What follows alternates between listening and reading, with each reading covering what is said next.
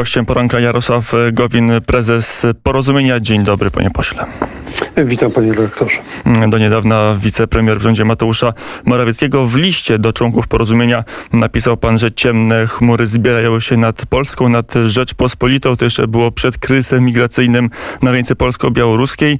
I nie wiem, czy to miał pan poseł na myśli. Nie, tego oczywiście nie miałem na myśli, ponieważ tempem upadku rządu w Kabulu jestem zaskoczony, tak samo jak szefowie wywiadów Stanów Zjednoczonych, y, Niemiec, Wielkiej Brytanii, zapewne także szefowie wywiadu polskiego. Natomiast rzeczywiście tutaj sytuacja jest poważna. Na szczęście Europa wyciągnęła wnioski z błędnej polityki migracyjnej z lat 2014-15. Dzisiaj nikt poważny w Europie nie mówi o tym, żeby otworzyć granice dla dziesiątków czy setek tysięcy uchodźców z krajów islamskich. Chociaż ta sytuacja budzi wątpliwości, część opozycji, zwłaszcza tej lewicowej, chce wpuszczenia e, imigrantów, uchodźców do Polski, którzy koczują. Rząd mówi nie, rząd stawia zasieki. E, jak w tej sytuacji będzie się orientować porozumienie Jarosława Gowina? Ja bym w tej sprawie rozróżnił trzy płaszczyzny. Po pierwsze, bezwzględnie należy ściągnąć do Polski wszystkich tych y, obywateli Afganistanu, którzy wspierali polskie wojsko, polskie służby, polską y, dyplomację. To jest y, po pierwsze nasz moralny obowiązek. Po drugie, ratowanie resztek wiarygodności Zachodu, bo mówię oczywiście nie tylko o Polsce, ale także o pozostałych krajach Zachodu, które uczestniczyły w interwencji w Afganistanie. Druga płaszczyzna to te 50 y, osób y, koczujących mm, w pasie ziemi niczyjej.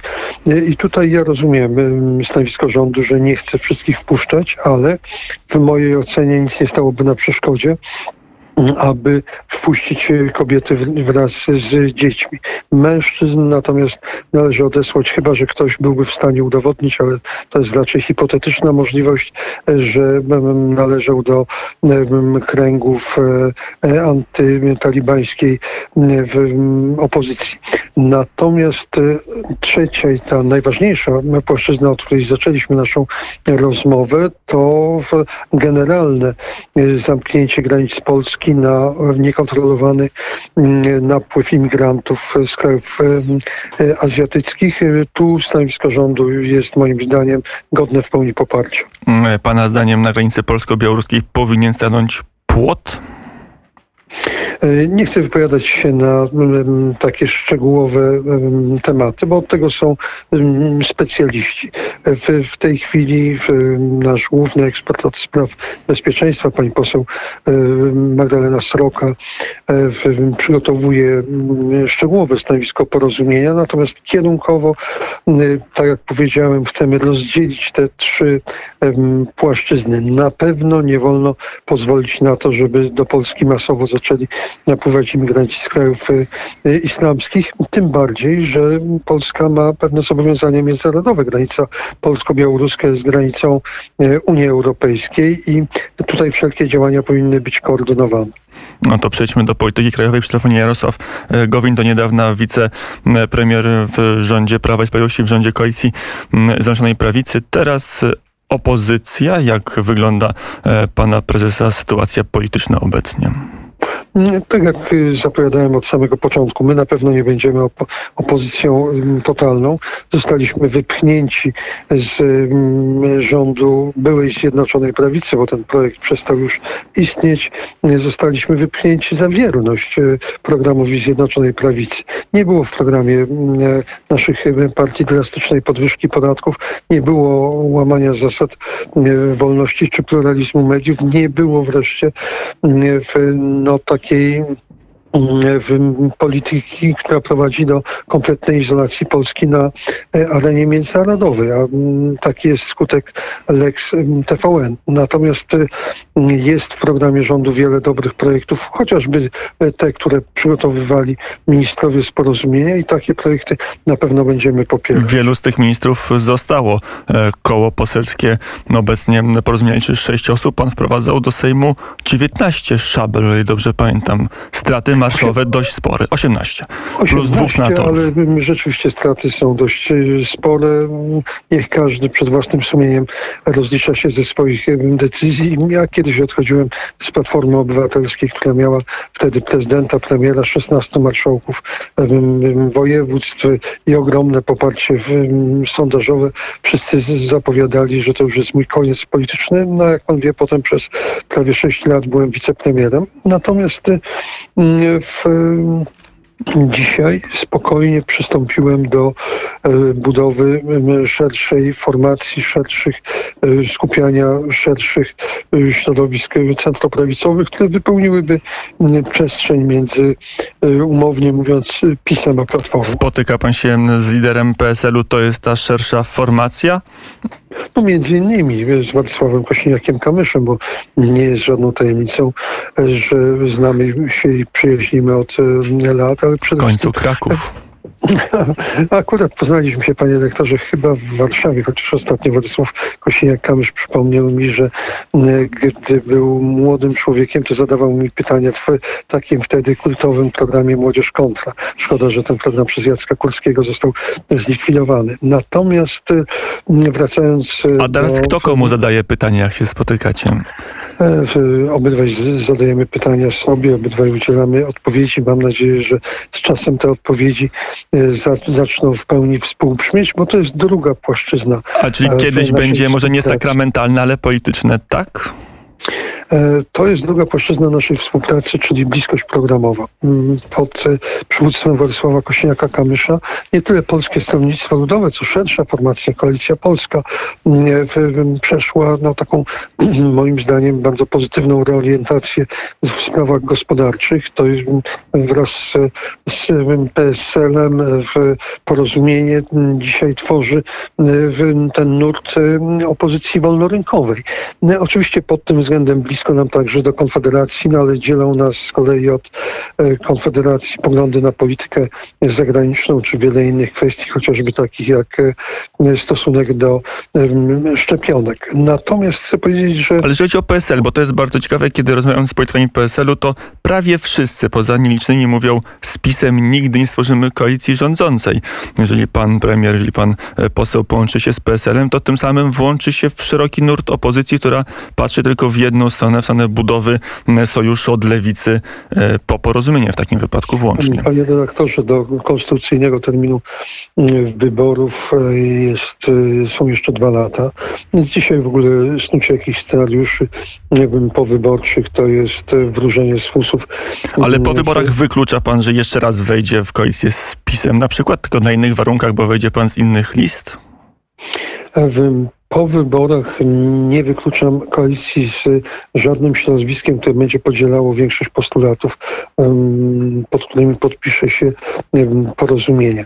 Jeszcze raz podkreślam, my na pewno nie będziemy em, opozycją totalną, natomiast wyborcom o wrażliwości konserwatywno-wolnorynkowej na pewno będziemy proponowali inny zestaw postulatów, inny zestaw rozwiązań niż to, co dzisiaj prezentuje pra- Prawo i Sprawiedliwość, które niestety w sprawach gospodarczych gwałtownie skrę- skręciło w lewo i ma dzisiaj e, program, mam na myśli rozwiązania podatkowe Polskiego Ładu, który współbrzmi i jest popierany tylko przez jedno środowisko polityczne, przez partię Razem, czyli środowisko skrajnie lewicowe. No to naprawdę powinno dać wyborcom, e, zwłaszcza tym umiarkowanym wyborcom PiSu, do myślenia. Marcin Ociepa, ważny polityk porozumienia, mówił kilka dni temu, zresztą powtarza to dzisiaj w wywiadzie dla dziennika Gazeta Prawna, że to był pretekst, że Mateusz Morawiecki był gotowy do daleko idącego kompromisu, a pan szukał tylko pretekstu, żeby wyjść z koalicji rządzącej. Słowa Marcina Ociepy, ważnego polityka porozumienia do niedawna. Nie chcę się odnosić do słów moich dawnych kolegów. Ja rozumiem, że teraz e, każdy szuka jakiegoś e, alibi moralnego dla swoich decyzji. Mogę powiedzieć tyle, byłem gotów do kompromisu.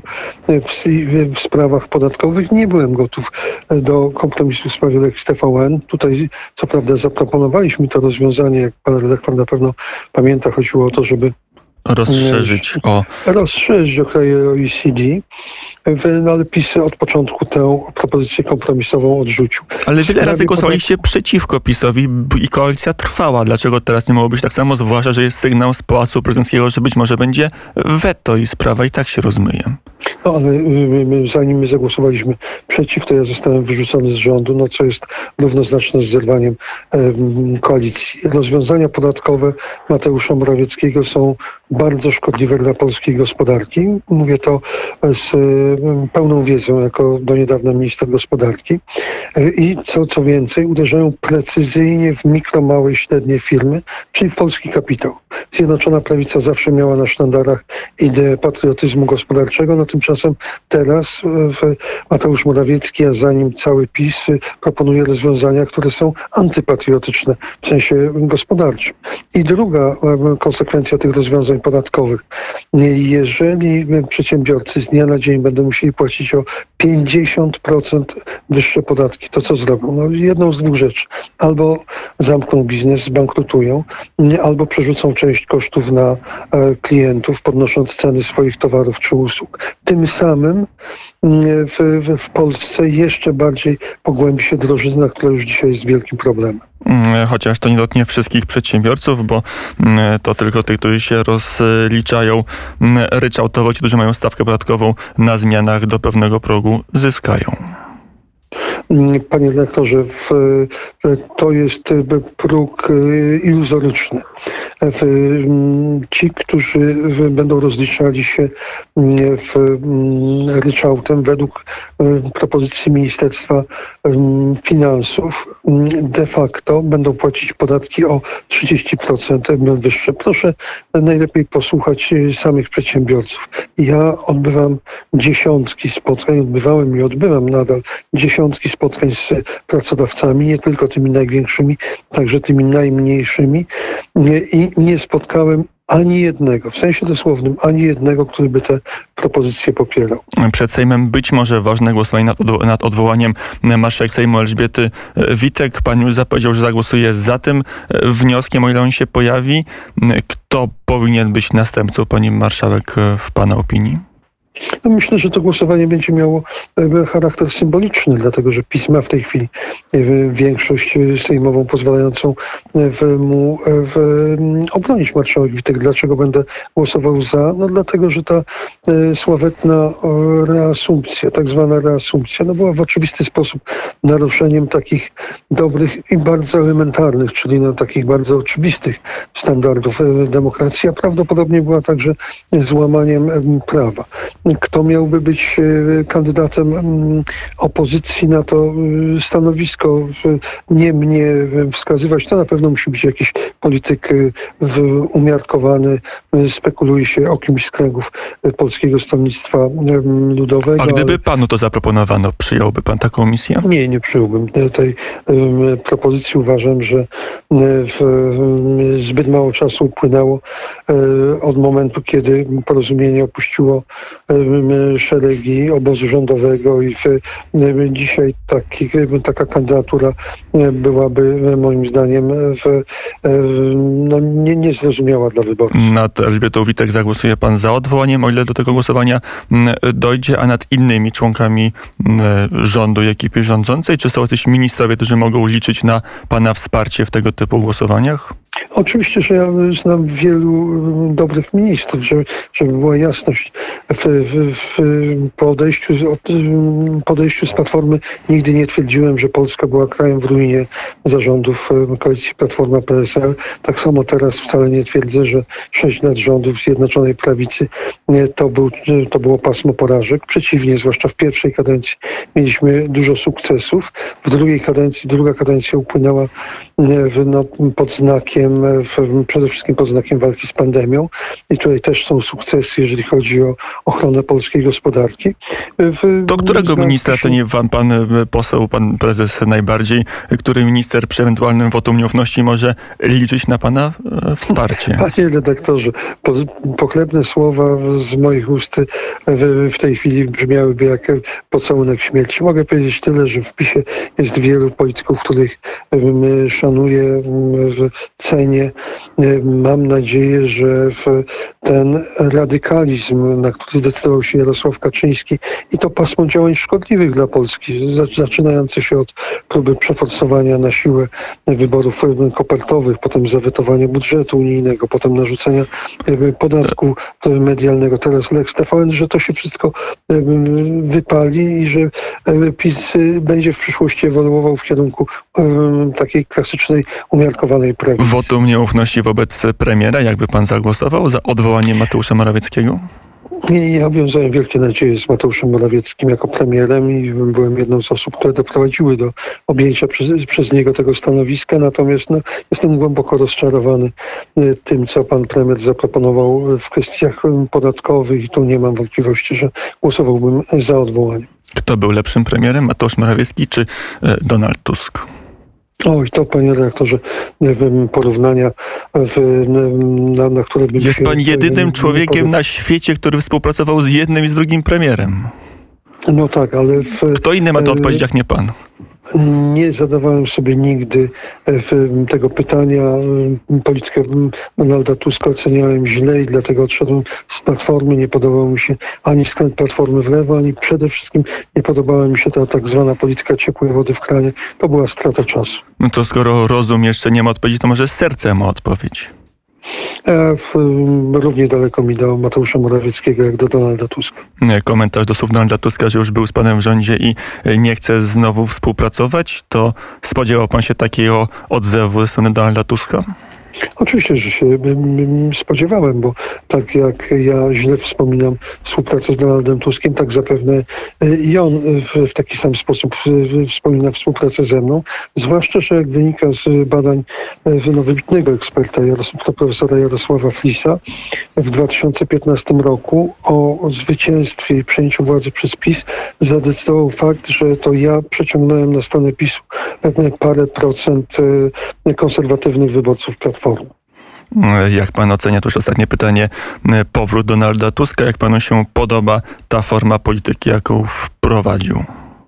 E, Zdecydowanie mi się nie podoba, bo to jest taki manichejski podział na świat dobra i świat em, zła. Donald Tusk świadomie eskaluje e, konflikty, podziały e, między Polakami. Może to jest korzystne z punktu widzenia notowań Platformy Obywatelskiej, ale na pewno nie jest to korzystne z punktu widzenia e, w bardzo ważnej wartości podstawowej, takiej e, wartości, jaką jest e, wspólnota narodowa. E, To, co mówi Donald Tusk na temat PiSu, na temat e, wyborców PiSu jest e, dzieleniem Polaków na dwa zwalczające się plemiona. To może to będzie ostatnie pytanie. Największe wyzwanie dla Polski jest jakie obecnie?